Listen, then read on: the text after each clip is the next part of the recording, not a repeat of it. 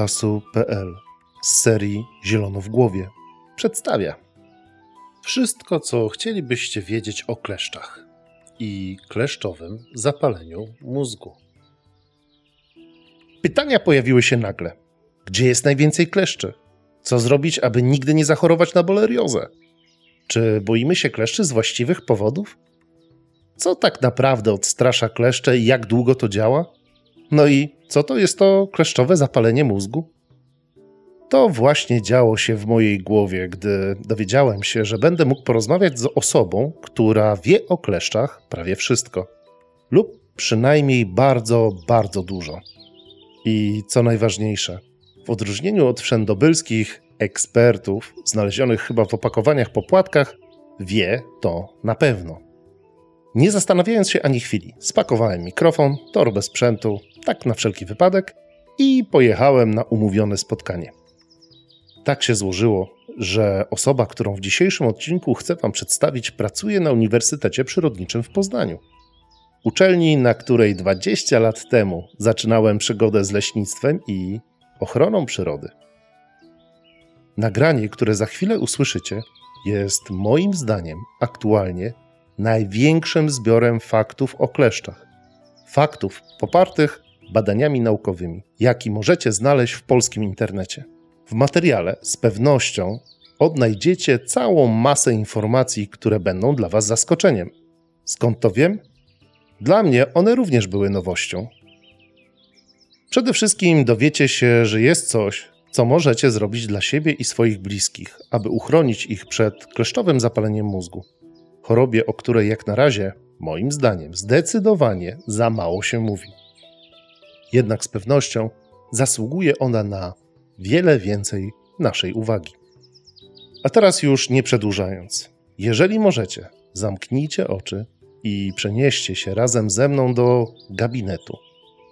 Do gabinetu z olbrzymim, prawie 3-metrowym oknem, z którego widok pozwala zapomnieć, że jest się w dużym mieście.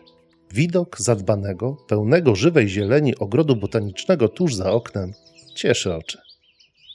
Wystrój gabinetu, na którego wyposażenie składa się kilka wysokich szaf z książkami oraz dwa biurka i krzesła, świetnie zgrywa się z dyscypliną metody naukowej, która towarzyszy zapewne wszystkim prowadzonym tutaj badaniom.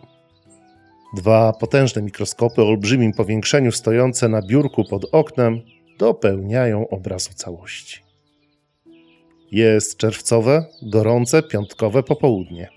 W oddaleniu, lekko przytłumione przez okienną szybę, dochodzą do nas głosy ptaków mieszkających w ogrodzie oraz od czasu do czasu dźwięki syren karetek krążących po mieście. Widzicie i słyszycie to w swojej wyobraźni? Fantastycznie! Poznajcie doktor inżynier Annę Wierzbicką. Naukowca, który jest tego dnia tak rozchwytywany, że podczas naszej rozmowy musiała zrobić małą przerwę, aby udzielić wywiadu na żywo w radiu. Inaczej by się nie wyrobiła. Wszystko po to, aby szerzyć w eterze rzetelną wiedzę o przyrodzie. Jak dla mnie, szacun. Nasza rozmowa zapowiada się ciekawie. Posłuchajcie. Witajcie. Dzisiaj mamy okazję porozmawiać z wyjątkowym gościem. Naszym gościem jest pani doktor inżynier Anna Wierzbicka z Uniwersytetu Przyrodniczego w Poznaniu. Pani Aniu, dlaczego zaczęła się pani w ogóle interesować przyrodą? Nie pamiętam. Chyba dlatego, że moi dziadkowie mieszkają w Puszczy Noteckiej. I zawsze jeździliśmy tam na wakacje. No i co można robić e, z grupą kuzynów, jak nie ma blisko jeziora albo jakichś placów zabaw? No można iść do lasu więc spędzaliśmy tam bardzo dużo czasu. No i tak jakoś zostało. Ten las był we mnie bardzo mocno wbudowany od dziecka i jak mnie ktoś kiedyś w szkole podstawowej zapytał, kim chciałabym zostać, to powiedziałam, że leśnikiem i nie zmieniło mi się przez następne 10 lat. Stałam na Wydział Leśny w Poznaniu, a moja babcia się zawsze śmiała, że mam wszystkie drzewa w lesie policzone.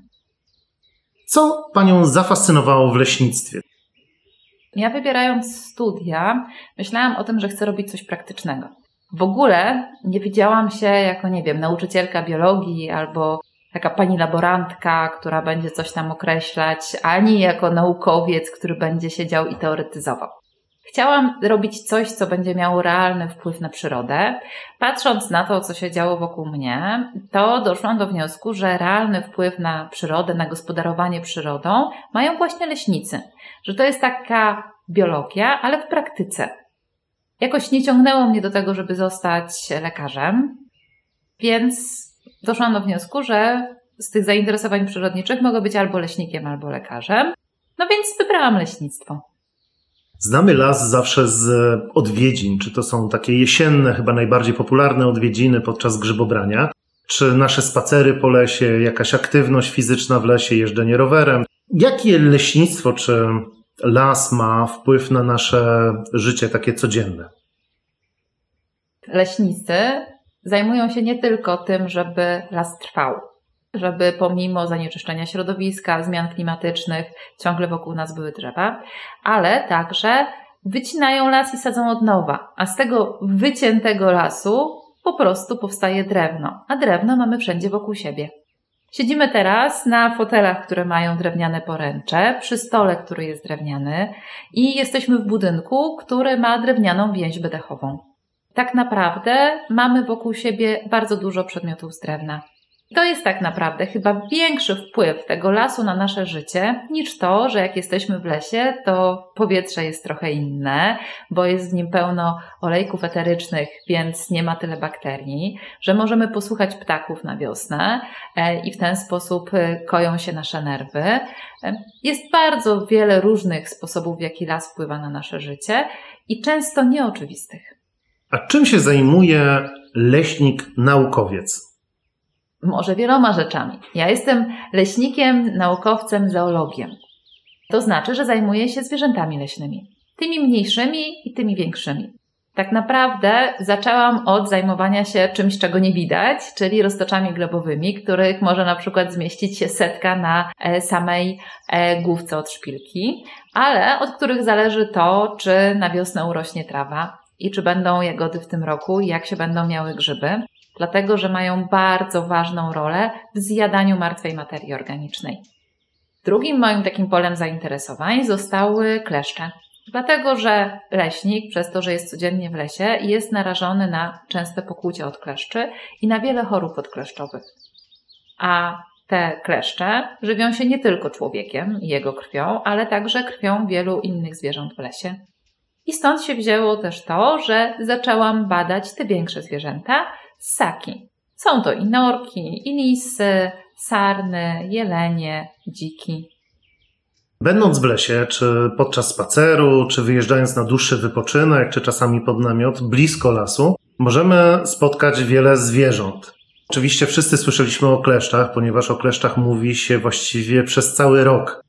Jeżeli jest ciepło, mówimy o tym, że można znaleźć kleszcza, ale też zimą. Mówimy o tym, że była mroźna zima, to na pewno nie będzie kleszczy wiosną. Czy coś jest prawdy w tym powiedzeniu? Nie bardzo.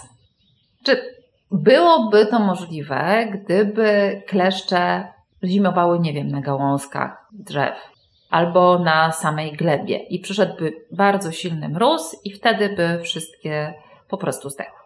Ale kleszcze po pierwsze zimują w glebie, czyli się zagrzebują, czyli jakby nad nimi jest warstwa, która je izoluje od tego zimna. A jeszcze jak spadnie śnieg, to są tak jakby były przykryte kołderką. Poza tym one zapadają w taki stan odrętwienia. Wszystkie ich e, procesy życiowe spowalniają się i one są już przystosowane do tego, żeby przeżyć te niższe temperatury. Kolejna rzecz, że jest taka bakteria, która może być w kleszczach i może też e, migrować do ludzi i wyjadać nasze białe krwinki. Nazywa się anaplazma i jeżeli kleszcz ma w sobie anaplazmę, to ta anaplazma zmienia jego fizjologię tak, że kleszcz przeżywa nawet minus 30 stopni. Gdzie możemy spotkać kleszcze w lesie? Ponieważ z informacji, które do nas docierają tak na co dzień, to właściwie można powiedzieć, że wszędzie, bo każda wizyta, każde wyjście gdzieś, gdzie jest coś zielonego, może się skończyć niepożądanym gościem, którego przyniesiemy do domu, czyli właśnie kleszczem. Jaka jest prawda? Gdzie mogą być kleszcze? Kleszcze są wszędzie tam, gdzie jest chociaż trochę wilgoci i gdzie na ziemi rosną jakieś rośliny. Najczęściej te rośliny naczyniowe, czyli te, które mają listki. Dlaczego? Dlatego, że po pierwsze musi być wilgotna, po drugie kleszcz nie skacze, nie fruwa, nie ma skrzydełek ani odnóży takich przystosowanych mhm. do skakania i ma taką formę czatowania na obiad, że wchodzi na coś i jak przechodzi mysz albo jeleń i go potrąci, to on się wtedy wspina na, tą, e, na to zwierzę. No więc są takie miejsca, w których po prostu nie jest w stanie czatować. No i takimi miejscami są na przykład bory suche lub bory świeże. To taki typ lasu, gdzie mamy cienkie sosny, których jest dużo e, i pod spodem albo mamy same igliwie i szyszki, albo mamy tylko mech, po którym się tak przyjemnie chodzi, ale tam nie rośnie żadna trawa. To to są takie lasy, w których nie ma kleszczy. W każdym innym lesie, ale także w parku czy na trawniku, w mieście czy w ogródku działkowym mogą być kleszcze. Wracając do tego, w jakim lasie nie będzie kleszczy, no to będzie to na przykład las na Wydmach w Słowińskim Parku Narodowym, czy Wydmy Śródlądowe właśnie w Puszczy Noteckiej, gdzie rzeczywiście łatwiej jest o ingliwie niż o y, najmniejszą trawkę. Nie ma w tym nic prawdy, że te kleszcze mogą na nas spadać jak taki kleszczy deszcz. Nie, e, to nie jest prawda, dlatego że głodny kleszcz, jak już się obudzi, bo pół roku spał, tak, e, jest bardzo głodny i właśnie urósł do następnego stadium, on nie ma dużo siły. 3-4 dni to on może chodzić góra-dół, ale doświadczenia akurat naszych współpracowników ze Stanów mówią, że jak próbowali puścić takiego głodnego kleszcza po drzewie i rysowali mu kropkę, żeby było go widać, to on tak wyżej jak metr to nie wchodził ale oczywiście po drzewie. Po jakiejś roślinności typu paprocie, no to tak półtora metra to jest po prostu maks, na jaki taki kleszcz głodny i ledwo żywy jest się w stanie spiąć. Po prostu nie ma więcej energii, nie wejdzie 10 metrów na górę. Oczywiście może się zdarzyć, że na przykład był kleszcz na jakimś ptaku i ten ptak go próbował zdjąć z siebie i w ten sposób na nas spadnie kleszcz, ale są to bardzo, bardzo rzadkie, rzadkie przypadki. Więc generalnie kleszcze sadowią się na naszych łydkach. 70 e, kilka procent kleszczy, które zbieraliśmy z lasu, z ludzi, bo robiliśmy kiedyś takie doświadczenie, że puszczaliśmy ludzi po lesie i potem zbieraliśmy z nich kleszcze, to było na łydkach. Do kolan, nie wyżej. Czyli jeżeli znajdujemy później kleszcza trochę wyżej na naszym ciele, to znaczy, że wspiął się po prostu. Dokładnie tak. Kleszcze wchodzą po naszym ciele, po naszym ubraniu. E, coraz wyżej, bo one szukają sobie takiego miejsca, które będzie z cienką skórą, gdzie będą naczynia krwionośne blisko, czyli takie miejsca, które są najcieplejsze na nas. Więc e, na przykład jak idą po spodniach, to potem jeżeli nie mamy koszuli włożonej w e, spodnie, no to będą szły wyżej i na przykład możemy potem mieć go wbitego pod pachą. Albo może pójść po ubraniu jeszcze wyżej i za uchem albo na przykład w zgięciu łokci. To też mamy taką cienką skórę, która jest ciepła. Dla pań taka podpowiedź, wszystkie miejsca, w których aplikujemy perfumy, to są ulubione miejsca kleszczy. A jak już jesteśmy przy perfumach, to od razu skojarzyły mi się olejki eteryczne, które e, mają nas chronić przed kleszczami. Na pewno wiele osób jest zainteresowanych, jakie substancje naprawdę działają.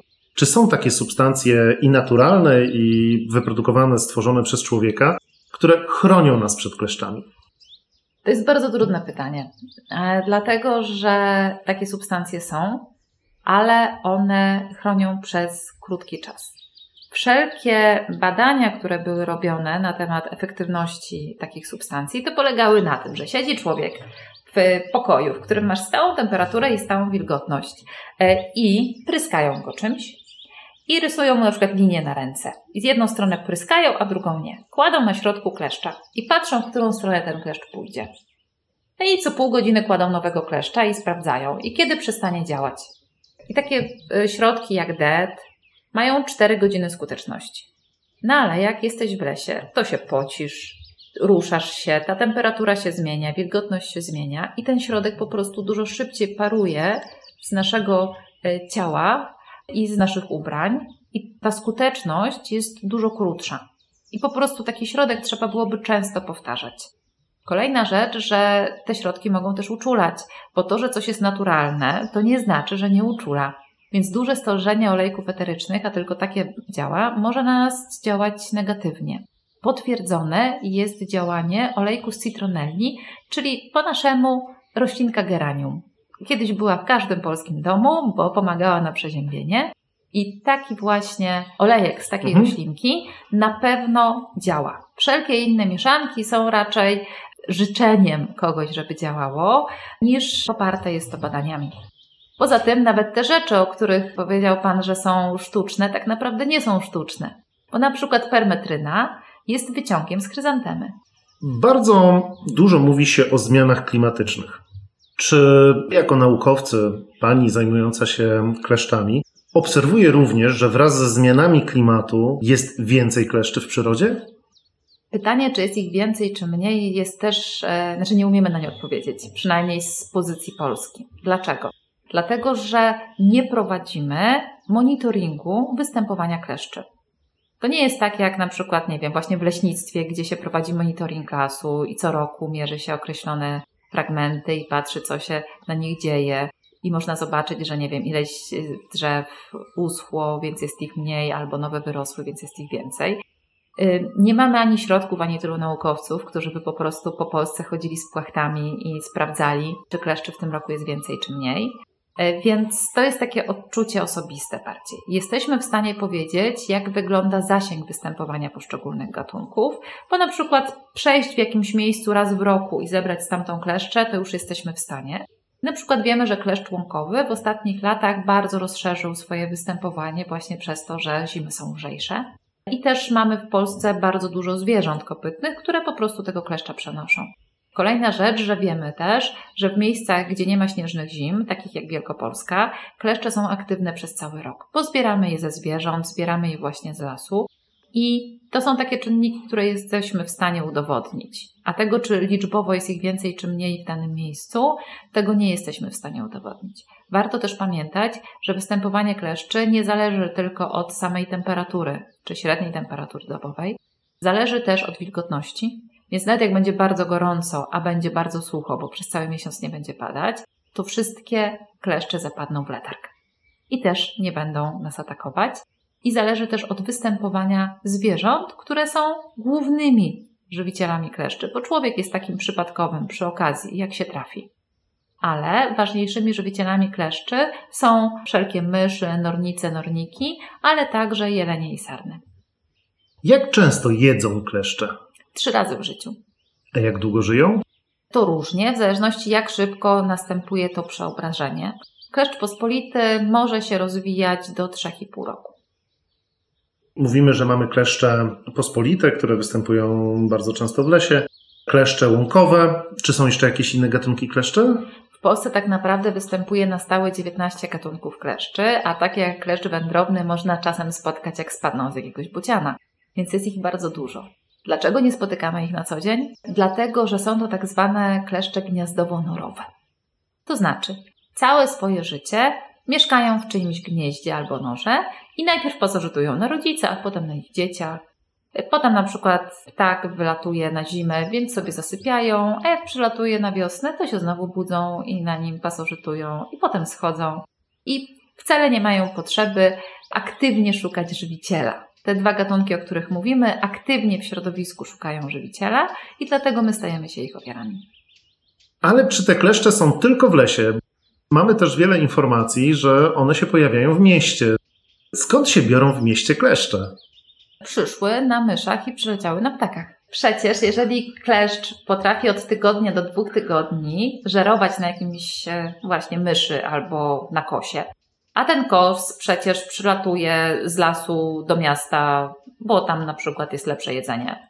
To przynosi ze sobą kleszcze. A gdzie ten kleszcz odpadnie od tego kosa, no to już jest dość duży przypadek. Obecnie, na przykład w Poznaniu, jest coraz więcej dzików. Na Sołaczu, gdzie mieszkam, sarny podchodzą, jak się mieszka przy parku, pod, pod bloki. Więc to są zwierzęta, na których te kleszcze wędrują. To jest takie bardzo inteligentne rozwiązanie, no bo kleszcz ma małe nóżki, mało siły, sam daleko nie pójdzie. A przecież może przylecieć na bodźku z Afryki. I takie przypadki też są znane. Wcześniej o kleszczach dużo mniej się mówiło. Jak cofniemy się o 20-30 lat, kleszcze właściwie były sporadycznym przypadkiem. Co się takiego wydarzyło w przyrodzie, że tych kleszczy jest ich faktycznie więcej? Myślę, że to jest kilka czynników. Po pierwsze, od roku 2000, mniej więcej 2000-2001, mamy zapisywanie, rejestrowanie niektórych chorób odkleszczowych. Więc e, jakby lekarze zaczęli zauważać skalę zjawiska i zaczęły się różne akcje profilaktyczne i opowiadanie w mediach o kleszczach. Więc ludzie zaczęli na kleszcze zwracać uwagę. Bo ja pamiętam jako dziecko, że tata czasem przynosił kleszcze, a my jakoś nie. Więc one na pewno były. To nie tak, że ich nie było, tylko na nie zwracaliśmy uwagi. Kleszcz to takie sprytne zwierzę, które jak się w nas wkłuje, to nie boli i nie swędzi. To nie tak jak z komarem. I możemy tego kleszcza nosić na sobie kilka dni, jak będzie w takim miejscu, które nie zaglądamy albo nie oglądamy się w lustrze i w ogóle nie będziemy o tym wiedzieć. Poza tym kleszcz jak się naje, to sam odpada. Więc można zostać żywicielem kleszcza, pochodzić sobie tydzień z kleszczem, on odpadnie i możemy tego w ogóle nie mieć świadomości. I prawdopodobnie wielu z nas wielokrotnie zostawało żywicielami kleszczy, czy ofiarami kleszczy, zależy jak to y, nazwiemy, i o tym po prostu nie wiedziało. Kolejna rzecz to to, że liczebność kleszczy zależy właśnie od temperatur. Więc jeżeli jest dłuższy okres w roku, kiedy temperatura jest powyżej 5 stopni i często pada, to one mają dłuższy czas występowania, no i wtedy częściej, łatwiej możemy je spotkać i dlatego to zauważamy. Jeszcze ważnym czynnikiem jest liczebność ich podstawowych żywicieli, czyli dużych ssaków kopytnych, tak jak już mówiliśmy, jeleni i saren. I od lat 80. do teraz kilkakrotnie wzrosła w Polsce liczebność przykład jeleni, więc też jest więcej kleszczy, no bo mają się gdzie stołować.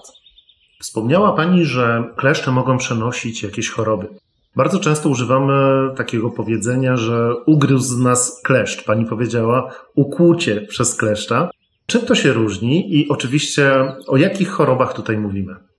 Kleszcz ma hypostom. To taki ryjek, który jest zbudowany na stałe, taka rurka, z takimi ząbkami wokół, żeby jak się w coś wbije, to było mu łatwiej się zatrzymać, bo one no są malutkie, nóżki mają malutkie, więc na przykład nie mogą nas objąć, prawda, żebyśmy ich nie zrzucili, więc trzymają się w nas tylko tym hypostomem. Więc te y, ząbki powodują, że jakby się tak zapierają. I to jest rurka, więc on zaczyna ssać tą krew. Więc tak naprawdę mechanizm tego ukłucia jest taki sam na przykład jak u kumara, tylko że trwa dużo dłużej. Kleszcze, przez to, że są krew jednych zwierząt, a potem są krew innych zwierząt, są w stanie transportować różne patogeny, czyli organizmy chorobotwórcze. Bo na przykład mysza ma w sobie boreliozę. Kleszcz naje się jej krwi, borelioza zostaje niestrawiona, chowa się w uchyłkach jelita takiego kleszcza i zasypia. Kleszcz strawi tą krew w czasie diapauzy, po czym przeobraża się w następne stadium. Jest głodny, wspina się na coś i wbija się w następnego żywiciela. Wtedy bierze pierwszy łyk krwi, borelioza w nim budzi się i zostaje następnie zwymiotowana przez kleszcza. To też jest związane z tym, że kleszcz ma bardzo specyficzny sposób odżywiania. Skoro żywi się krwią, a wiadomo, że krew to jest taka cienka zupka. Tam jest dużo wody, a mało treści. Tak naprawdę czerwonych i białych krwinek czy płytek krwi wcale nie ma tak dużo. To tak jakbyśmy jedli zupkę wielowarzywną i na 10-litrowy garnek wrzucili jedną mieszankę warzywną ze sklepu. No to wiadomo, że pewnie w co piątej łyżce będzie ziemniaczek albo brukselka. No i kleszcz jakby się tak napił do oporu krwi, to trochę byłoby w tym jedzenia, resztę wody. Więc kleszcze mają taki pomysł, że to trzeba inaczej. Ważne dla nich są tylko te krwinki, które zawierają białko. Więc one biorą łyk, po czym odcedzają sobie te krwinki, a całą resztę tego osocza właśnie z zawartością swojego jelita, czyli na przykład z boreliozą i z, ze śliną, wypluwają z powrotem. Potem biorą następny łyk, tak po prostu łyczek, wymiociny, łyczek, wymiociny. I z tego mechanizmu korzystają właśnie te organizmy choromotwórcze, no bo z kleszcza z tym wymiotowaniem mogą się przenieść do następnego organizmu, czyli na przykład do człowieka. Jak długo trwa od pierwszego łyku do pierwszego zwrócenia, czyli możliwości zarażenia nas boleriozą? Od 24 do 48 godzin. Co ciekawe, różne genogatunki boreliozy budzą się i są wymiotowane w różnym czasie. Czyli wracając z naszego spaceru, bardzo szczegółowo się obejrzymy, weźmiemy prysznic, żeby ewentualnie zmyć jakiegoś ukrytego kleszcza w naszych włosach, który jeszcze się nigdzie nie wkuł, a wędruje. Jesteśmy w stanie się ochronić przed boleriozą w ten sposób? Tak, przed boreliozą tak, ale nie jesteśmy w stanie ochronić się przed kleszczowym zapaleniem mózgu. Dlaczego? Kleszczowe zapalenie mózgu to wirus. Wirusy są mniejsze. I nawet jak zostanie wypity ten wirus z krwią, to on potem, w czasie jak się kleszcz przeobraża, wędruje sobie do jego ślinianek, czyli blisko ryjka. I kleszcz, jak się w nas tylko wpływa, to żebyśmy tego nie czuli, żeby nas nie bolało, daje nam zastrzyk ze śliny. W tej ślinie są substancje, które są przeciwbólowe, ale także powodują, że nasza krew nie krzepnie i on może sobie spokojnie jeść. Więc ten zastrzyk śliny następuje bardzo szybko po wkłuciu kleszcza. I z pierwszym zastrzykiem śliny, jeżeli kleszcz ma w sobie wirusy kleszczowego zapalenia mózgu, to te wirusy już mogą wylądować w naszym ciele. Więc te 24 godziny czy jakiś taki dłuższy czas jest jak najbardziej prawdziwy dla bakterii, dla boreliozy. Nie jest prawdziwy dla wirusów, które po prostu zimują, przeczukują czas w innej części kleszcza. Stąd tak naprawdę przed kleszczowym zapaleniem mózgu nie mamy się jak ochronić sami. To chyba tylko tym, że kleszcz po prostu się w nas nie wkłuje. Ale na szczęście, jeśli chodzi o kleszczowe zapalenie mózgu, już od bardzo dawna znamy szczepionkę. I osoby, które często przebywają w lesie albo wręcz pracują w lesie, powinny ją rozważyć. Na przykład leśnicy są szczepieni, dlatego nie chorują na kleszczowe zapalenie mózgu. Ja też jestem szczepiona, no bo też dużo przebywam w lesie, a nie jest to obowiązkowe, więc trzeba porozmawiać ze swoim lekarzem, czy rodzice muszą porozmawiać z lekarzem rodzinnym. Czy ma to sens w sytuacji danej osoby? Moim zdaniem ma, ale każdy podejmuje sam decyzję.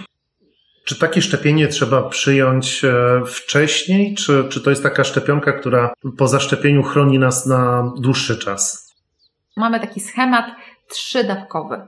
Jest pierwsza, po miesiącu druga, po trzech miesiącach trzecia, chociaż można to przyspieszyć. Więc na przykład jak pomyślimy o tym w maju, to możemy przyspieszony schemat też przyjąć i potem powtarzamy raz na 5 lat jedno szczepienie. Co ciekawe, też ta szczepionka, która jest dostępna u nas, chroni przed syberyjskim kleszczowym zapaleniem mózgu, więc jeżeli ktoś dużo podróżuje do Azji, a był zaszczepiony w Polsce, to też go będzie chroniło. Czyli właściwie możemy się szczepić przez cały rok, a jeżeli mamy jakąś podróż przed sobą albo planujemy wakacje blisko przyrody, powinniśmy jednak zaplanować to troszkę wcześniej, żeby zdążyć uodpornić na kleszczowe zapalenie mózgu.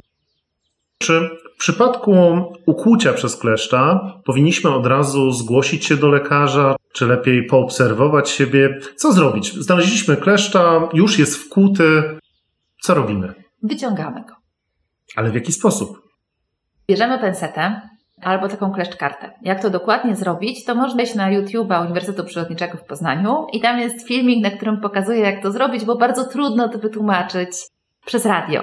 Więc zachęcam do tego, żeby to zobaczyć. Trzeba złapać jak najbliżej skóry jednym prostym ruchem wyciągnąć. Nie okręcamy, nie smarujemy kremem Nivea, nie smarujemy olejem, nie przypalamy papierosem, bo wtedy byśmy zdenerwowali kleszcza i by zwymiotował. A jakby zwymiotował i miał boreliozę, to byśmy byli od tego chorzy.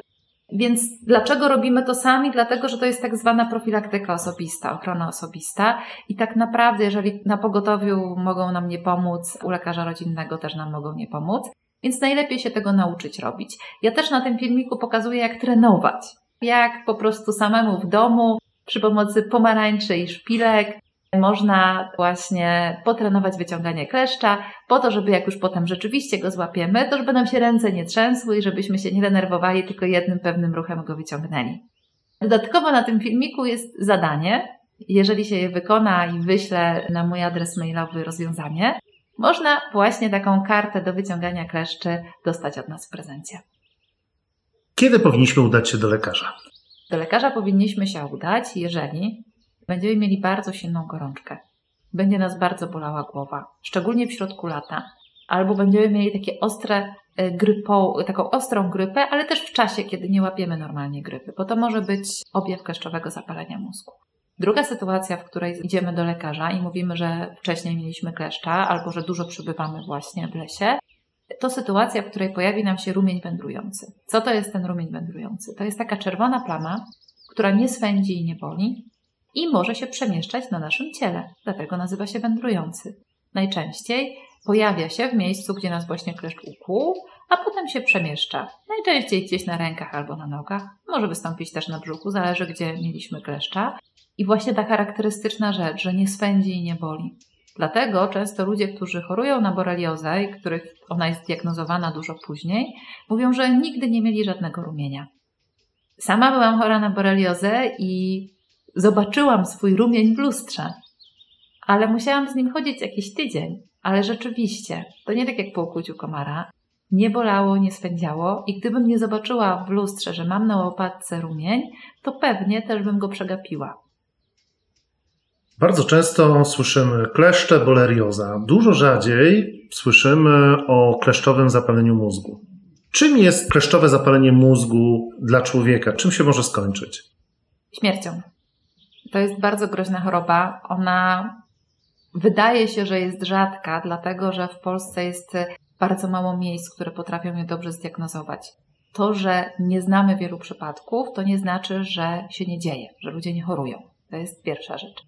To jest choroba, która się może skończyć śmiercią. Dlaczego? Dlatego, że owszem, mamy szczepienie, ale nie znamy żadnego lekarstwa. To trochę tak jak z koronawirusem, że podajemy witaminę C, witaminę D, środki przeciwbólowe i czekamy, czy organizm sobie sam da radę. Kolejna rzecz, że jest to choroba atakująca układ nerwowy, mózg, rdzeń kręgowy. A na pewno nasi słuchacze już wiedzą, że komórki nerwowe one się bardzo niechętnie odnawiają i raz zniszczone najczęściej się nie odbudowują. Stąd jest to choroba, którą nawet jak przebędziemy, może zostawić powikłania. Mogą być ślady na całe nasze życie. I bardzo duży odsetek osób, które zachorowują na tę chorobę, ma powikłania. To znaczy, można wyglądać i czuć się jak po udarze. To pewnie dla tych starszych słuchaczy. Można na przykład nie móc ruszać ręką albo nogą. Można nie móc domknąć oka. Można mieć takie chroniczne bóle głowy. Można mieć kłopoty z liczeniem, z zapamiętywaniem. I nawet może nam się zmienić charakter na zupełnie inny niż przed chorobą.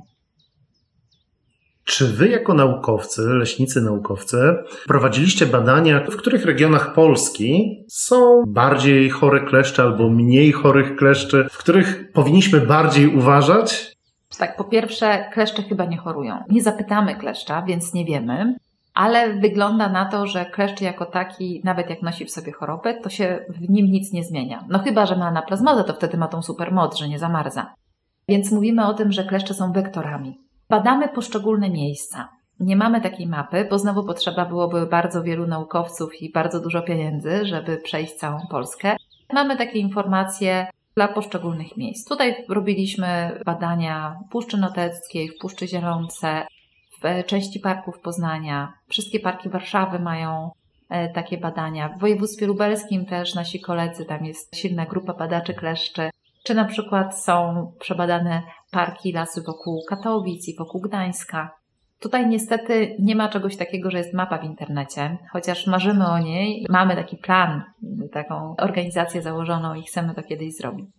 Ale do teraz to trzeba pytać albo naukowców, albo szukać informacji naukowych na ten temat. Najczęściej badamy występowanie boreliozy, babesjozy i anaplazmozy, dlatego że są bakterie i pierwotniaki, jakby naukowcowi jest łatwiej zakonserwować kleszcza i później przeprowadzić proces badawczy, żeby sprawdzić, co w takim kleszczu było, bo procedura na wirusy, właśnie na KZM, jest dużo trudniejsza i musi być dużo szybciej przeprowadzona. I też jest po prostu droga. I nie zawsze mamy fundusze na to, żeby to robić.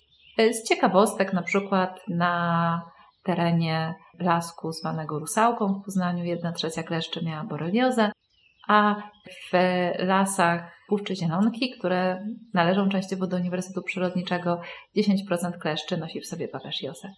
Są też takie miejsca, jak na przykład Parski Miejskie w Częstochowie, gdzie żaden kleszcz nie miał żadnej choroby. Czy jest jakiś przepis na większe pojawianie się kleszczy? Tak jak wiemy od naszych rodziców czy babci, że jeżeli padało i jest ciepło, jesienią będzie wysyp grzybów, czy z kleszczami w tej porze, kiedy jest ciepło i wilgotno, też są jakieś sprzyjające warunki, kiedy powinniśmy bardziej się ich spodziewać? Tak. Kleszcze będą wszędzie tam, gdzie jest niekoszona trawa, niekoszone równoleśne e, i będą wszędzie tam, gdzie temperatura jest powyżej plus 5 stopni i tam, gdzie będzie w miarę wilgotno. One potrzebują najlepiej wilgotności 80%, ale to nie takiej, że są tylko przy jakichś zbiornikach wodnych czy, czy rzekach, taka wilgotność w miejscu ich występowania. Czyli nam może się wydawać, że jest dużo mniej, ale tam pod listkiem, gdzie ten kleszcz sobie oddycha, jest te 70-80%. Więc taki czas na przykład, w jakim my rozmawiamy, że co drugi dzień pada i że jest te 20 stopni, no to jest raj dla kleszczy. Chciałbym bardzo podziękować za naszą rozmowę. Jak widać, przed boleriozą możemy dość skutecznie bronić się sami, a przed kleszczowym zapaleniem mózgu dużo mniej i dlatego powinniśmy jednak się zaszczepić i pomyśleć o tym szczepieniu przez cały rok, jeżeli jeszcze nie jesteśmy zaszczepieni. Bardzo dziękuję i życzę miłego dnia. Dziękuję. Mam nadzieję, że odnaleźliście sporo informacji na temat kleszcze i kleszczowego zapalenia mózgu oraz jak możemy się przed chorobami przenoszonymi przez kleszcze bronić. Bolerioza, jak widzicie, jest do uniknięcia. Jeżeli będziemy siebie kontrolować, jesteśmy w stanie sobie z nią poradzić. Niestety, kleszczowe zapalenie mózgu jest chorobą, która się pojawia u nas natychmiast. Przebieg tej choroby może być różny, dlatego naprawdę warto się zaszczepić i co 5 lat ponawiać szczepienia. Ale oczywiście, tak jak powiedziała w dzisiejszym materiale pani Anna, każdy decyduje za siebie, zgodnie ze swoimi przekonaniami. Dziękuję Wam za wysłuchanie kolejnego odcinka Zielono w głowie z bliżej lasu. Zapraszam Was już na następny materiał, który pojawi się już wkrótce. A do tego czasu do zobaczenia w lesie.